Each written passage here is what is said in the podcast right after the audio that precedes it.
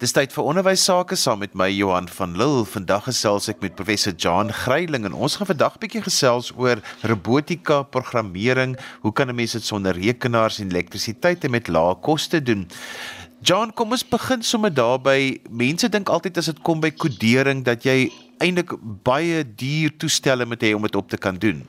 Ja, ek moet bietjie uh, met my seker kwalifiseer oor wat my mening hieroor is. Wanneer ek met jou praat dan dink ek uh, veral aan kodering op skool en veral ons fokus is op laerskool. So natuurlik as jy wil programmeer in in van jou tradisionele tale soos Java en C# en Python, dan gaan jy 'n rekenaar nodig hê of ten minste 'n goeie tablet. Jy gaan 'n laboratorium nodig hê in jou skool. So mense kan nie regtig daarby verbykom. Maar wat ons opinie is dat veral op laerskool is die die verpligting van die skool aangaande die massa leerders almal nie om almal programmering te leer op skool nie. Dis nie vir ons belangrik nie. En daarom het ons ons projek geloods wat sê jy luister jy kan leerders bewus maak van programmering. Jy kan die voordele trek uit wat programmering bied op laerskool sonder rekenaars. En in in die wêreld staan dit bekend as unplugged coding. Uh, ons ons verwys daarna as tangible coding. Jy kan die kode uh, aanraak. Maar so ja, so jy het op skool op laerskool hoef jy nommer 1 nie kinders sagteware ontwikkelaars te maak nie. Dis nie skool se verantwoordelikheid nie. Die die klimkind wat nou wil programmeer kan natuurlik begin programmeer op 'n rekenaar, maar vir jou massa leerders dink ek nie dis nodig nie. Janus as hieroor praat dan moet ons dadelik ook begin verwys na die werk wat julle doen by Tangible Africa. Vertel ons so klein bietjie daarvan en dan ook hoe julle uitreik na onderwysgemeenskappe en onderwysers en skole al die werk wat julle doen. Ja, eers dan so 'n bietjie agtergrond in 2017 ek is ehm uh, hoof van departement by rekenaarwetenskappe by Nelson Mandela Universiteit en elke ons onderstudente of 4 jaar moet elke jaar 'n projek doen en in 2017 het 'n uh, Biden Patterson, een van ons onderstudente met die plan na my toe gekom en gesê prof, maar ons ons moet iets ontwikkel wat ons leerders in die gebiede waar daar nie elektrisiteit of rekenaars is nie kan blootstel aan programmering. En hy het toe met die konsep vorendag gekom dat jy eh, 'n uh, selfoon gebruik, jy gee uitdagings op die selfoon.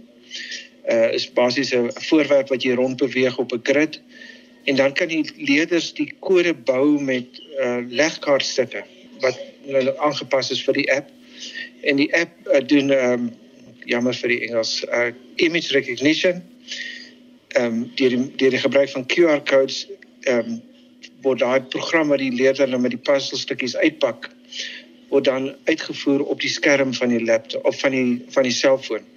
So die leerder sien dadelik terugvoer uh, en die soos die vlakke al hoe hoër raak, daar's 30 vlakke in die Rangers app leer hulle die konsepte wat ek in die eerste 6 maande my studente op universiteit sal leer of wat enige basiese inleidingsprogrammeringskursus studente sal leer.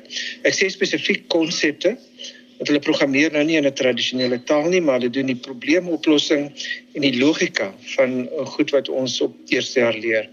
Die mense wat kodering verstaan sal weet van while loops, uh, for loops, repeat loops, if statements, nested constructs. So al hierdie goed doen hulle terwyl hulle met die speletjie speel.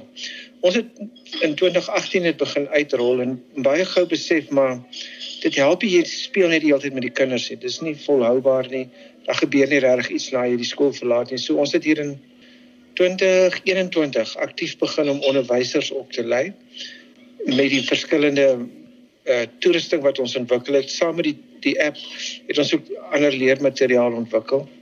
En verlede jaar en hierdie jaar werk ons met die onderwysersunies, uh, SATU, SAUI en NATU.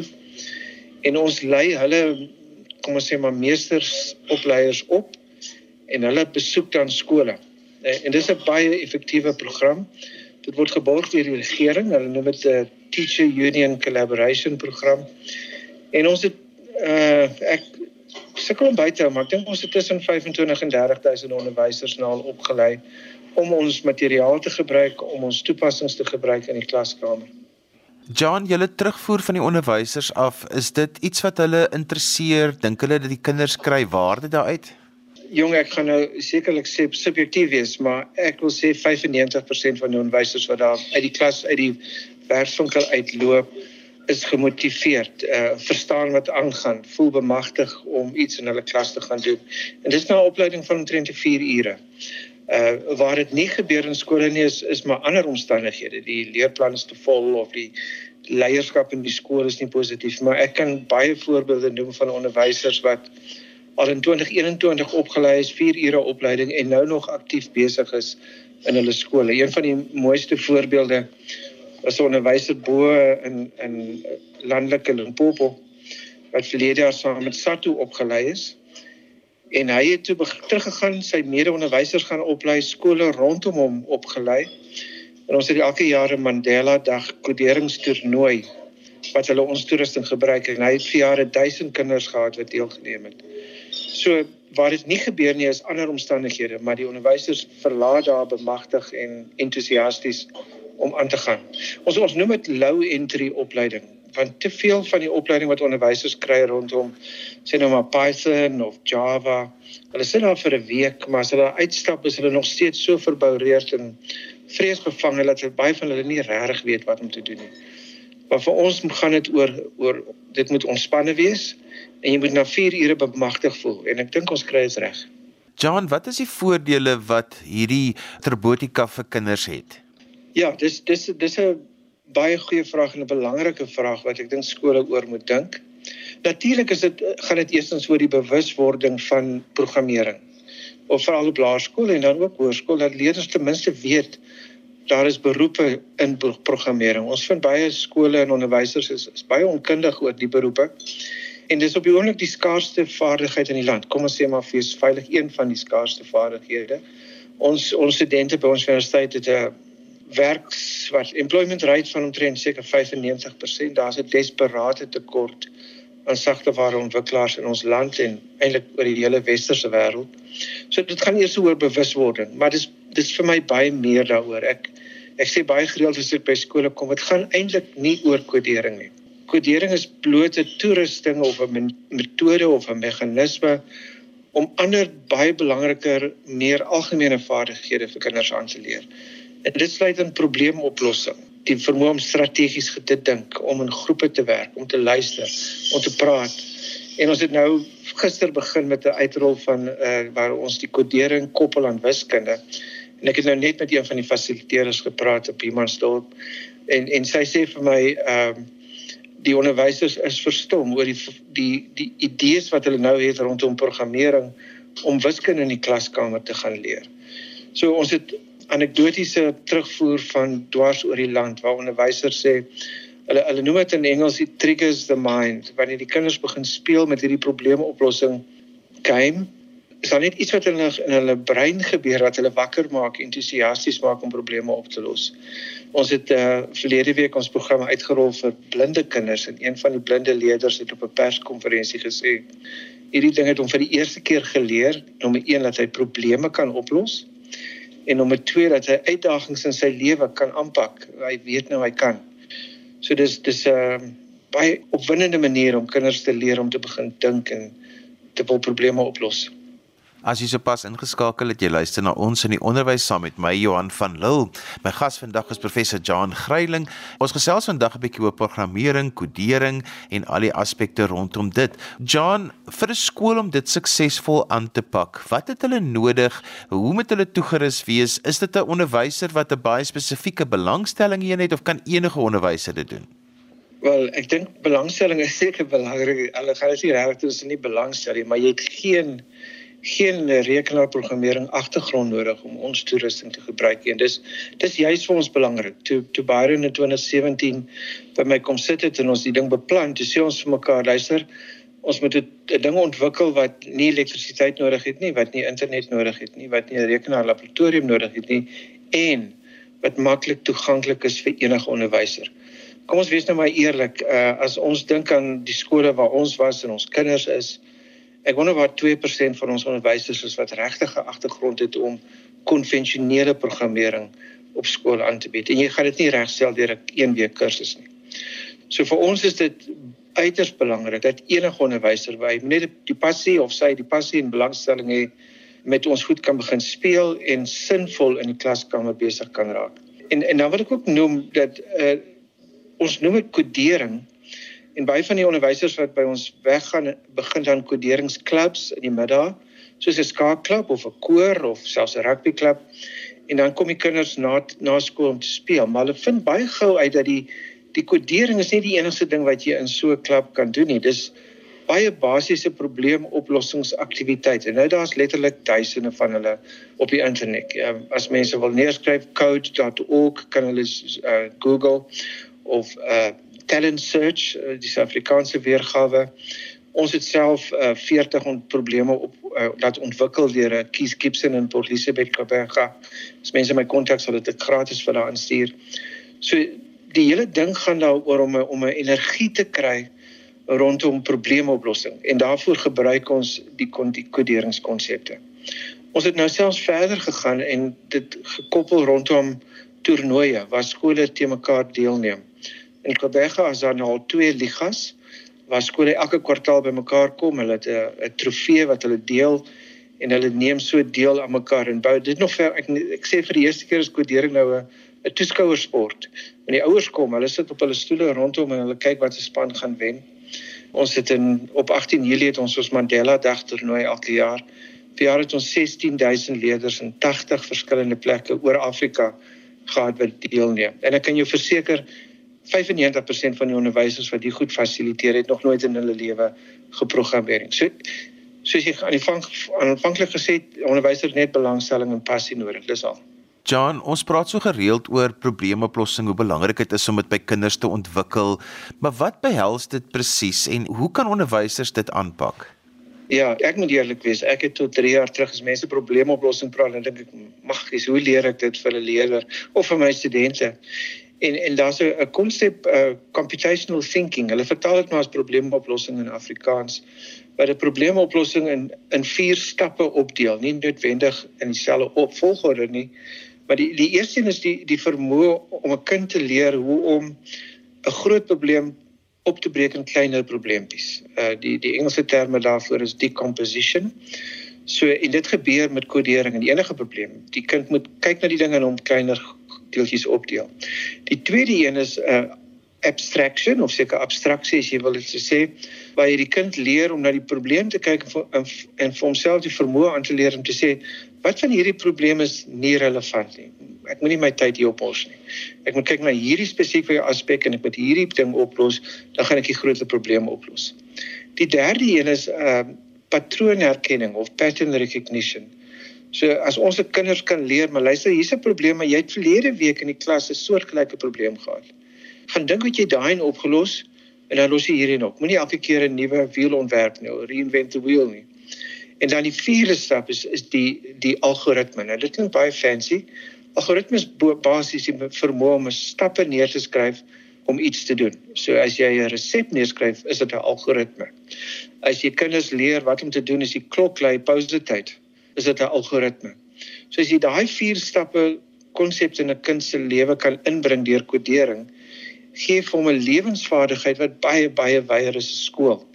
Ek spot altyd as as mense wat getroud is met mekaar, daai vier stappe kan toepas gaan hulle baie minder beklei. Mhm. En is dit kan toegepas word op elke aspek van die lewe. En daarom is ons sê ons is so belangrik om om kodering of watter vorm ook al op skool in te bring met die fokus op op probleemoplossing want uh, ek het altyd al vir onderwysers gesê julle kan vir my 'n matrikulant stuur in die eerste jaar wat nie kan kodeer. Nie ek kan hom leer kodeer.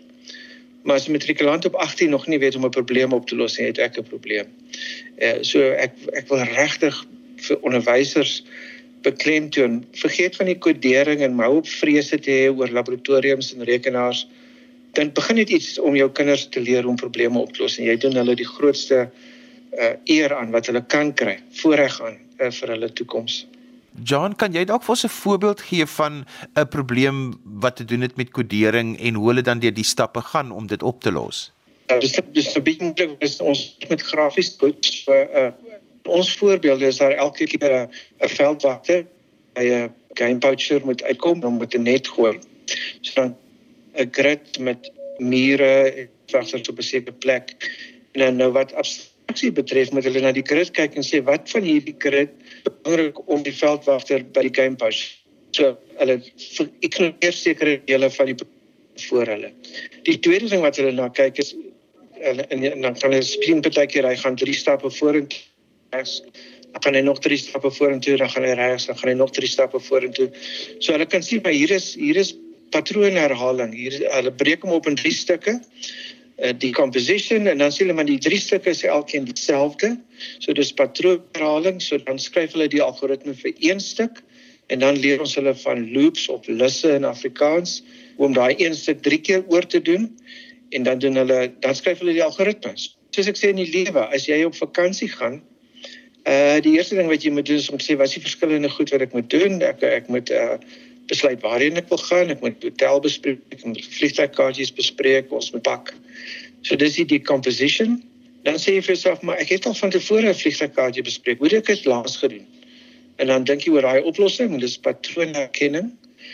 Uh, abstraksie is uh, waaroor hoef ek nie te worry nie. Uh, ek hoef nie regtig nou al worry oor dadelik te worry hoe gaan ek van die lughawe by die hotel kom. Ons kan dit later oplos, maar dit is miskien 'n swak voorbeeld. Maar daar's voetjies wat ek kan dink in hierdie probleem wat nie nou relevant is nie. En dan die verdeel ons dit in onder die onder ons in die gesin en ons sê okay, jy gaan koop 'n kaartjie, jy bespreek hotel, skryf die stappe neer om dit te doen, dis algoritme en so pas jy kodering toe in in die algemene lewe. John, waar pas mense kodering in binne die kurrikulum wat hulle in elk geval moet doen? Ja, dis dis uh dis die groot uitdaging van integrasie. Die die nuwe kurrikulum vir laerskole is nog word nog steeds aangewerk. Daar is 'n geringe kans dat vir grondslagfase hy volgende jaar gaan inkom. Maar die die kurrikulum is klaar vol. So dit as mense nou nog 'n vak wil inbring ek wil dit amper nie hardop sê nie praat mense van nog 'n uur op skool per week om dit aan te bied. So die belangrike deel is vir onderwysers om 'n manier te kry om dit te integreer. Uh my vrou is 'n graad 1 onderwyser. Klomp van die goed wat ons kodering doen het te doen met rigting, het te doen in wiskunde, het te doen met die verstaan van jou liggaam. So die onderwysers wat goeie onderwysers is, weet dadelik hoe dit inpas, hoe dit integreer in ander modules soos ek sê ons het bied nou kursusse aan amptelik vir wiskunde. So baie onderwysers gaan dit nou in wiskunde begin integreer, maar dit kan ook geïntegreer word in baie ander vakke. En dan die maklikste oplossing wat ek vroeër na verwys het is die kom ons neem die kodering of die probleemoplossingsklubs wat mense stig na skool. Jy ry kyk na 'n paar skole en jy reële liga. So dit word iets wat 'n kompeterende ding is waarvan kinders baie hou. So jy doen dit half ekstra kurrikulêr. Op die oomblik dink ek is dit waar dit hoort. Daar's nie regtig baie tyd in die in die in die klaskamer nie as jy dit nie regtig weet om te integreer nie. John, as ek nou skool of is wat luister na alles wat jy gesê het, ek dink, "Sjoe, my skool moet ook hierdie doen."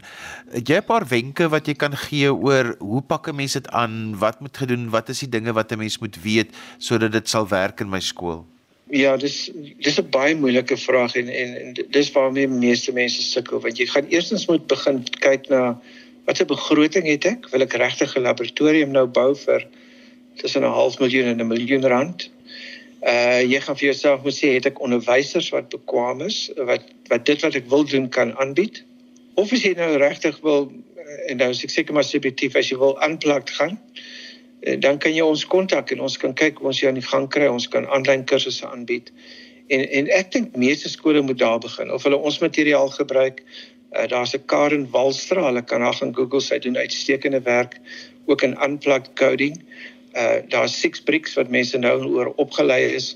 Ek dink skole moet eers daar begin. Die basiese lae budget projekte uh, wat enige onderwyser kan aanbied begin daarmee in jou eerste jaar en kyk hoe ontwikkel dit en dan pas aan volgens jou uh, jou befondsing en jou jou personeel wat jy het maar die die unplugged probleme is kan enige onderwyser toepas so ek sou ek sou subjektief aanbeveel dat jy daar begin as jy niks anders het op die oomblik nie John vir jou op 'n persoonlike vlak om betrokke te wees by hierdie koderingsprojekte wat beteken dit vir jou watter betekenis gee dit Uh jy gaan net vir kry hoendervleis as jy dit verhaal. Ek het nou self, ons het al oor 100 000 kinders bereik. Ek het self seker omtrent 2000 opgelei, seker 100 200 onderwysers.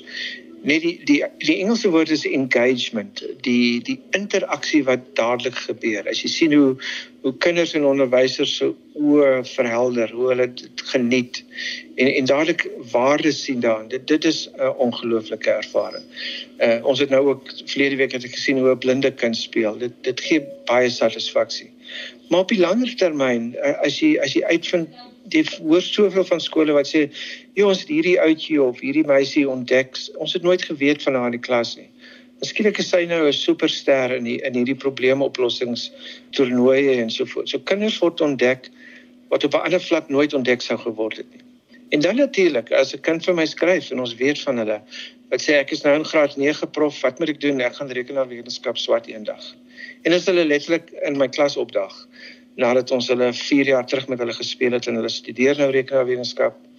En dan die die ultimate, ons weet van een uitjie wat vir jaar begin werk het as 'n ontwikkelaar en ons het op Mandela Dag 2018 met hom gespeel en vir die eerste keer kodering aan hom voorgestel. So daar's op soveel vlakke 'n uh, ehm um, energie en opwinding en dan op die nasionale vlak. Ek kan nie sê dis net ons nie, maar die hele konsep van unplugged coding wat wat ek dink baie relevant is in 'n land waar 16000 skole nie rekenaars het nie. Die die narratief daaroor, die gesels daaroor het so positief geraak oor die afgelope 18 maande en ek dink ons impak in die rol wat Karen Walstra speel en Sixbricks en 'n paar ander mense het daai denke oor dit in die land verander en dit maak my baie positief want as ons in Suid-Afrika van vassteek by programmering en ons het laboratoriums nodig gaan ons net bloot net miljoene kinders in ons land vir altyd uitsluit. So dis vir my een van die groot opwindings as ek dit sien gebeur. John, as mense met jou wil kontak maak of verder wil gesels, hoe kan hulle dit doen?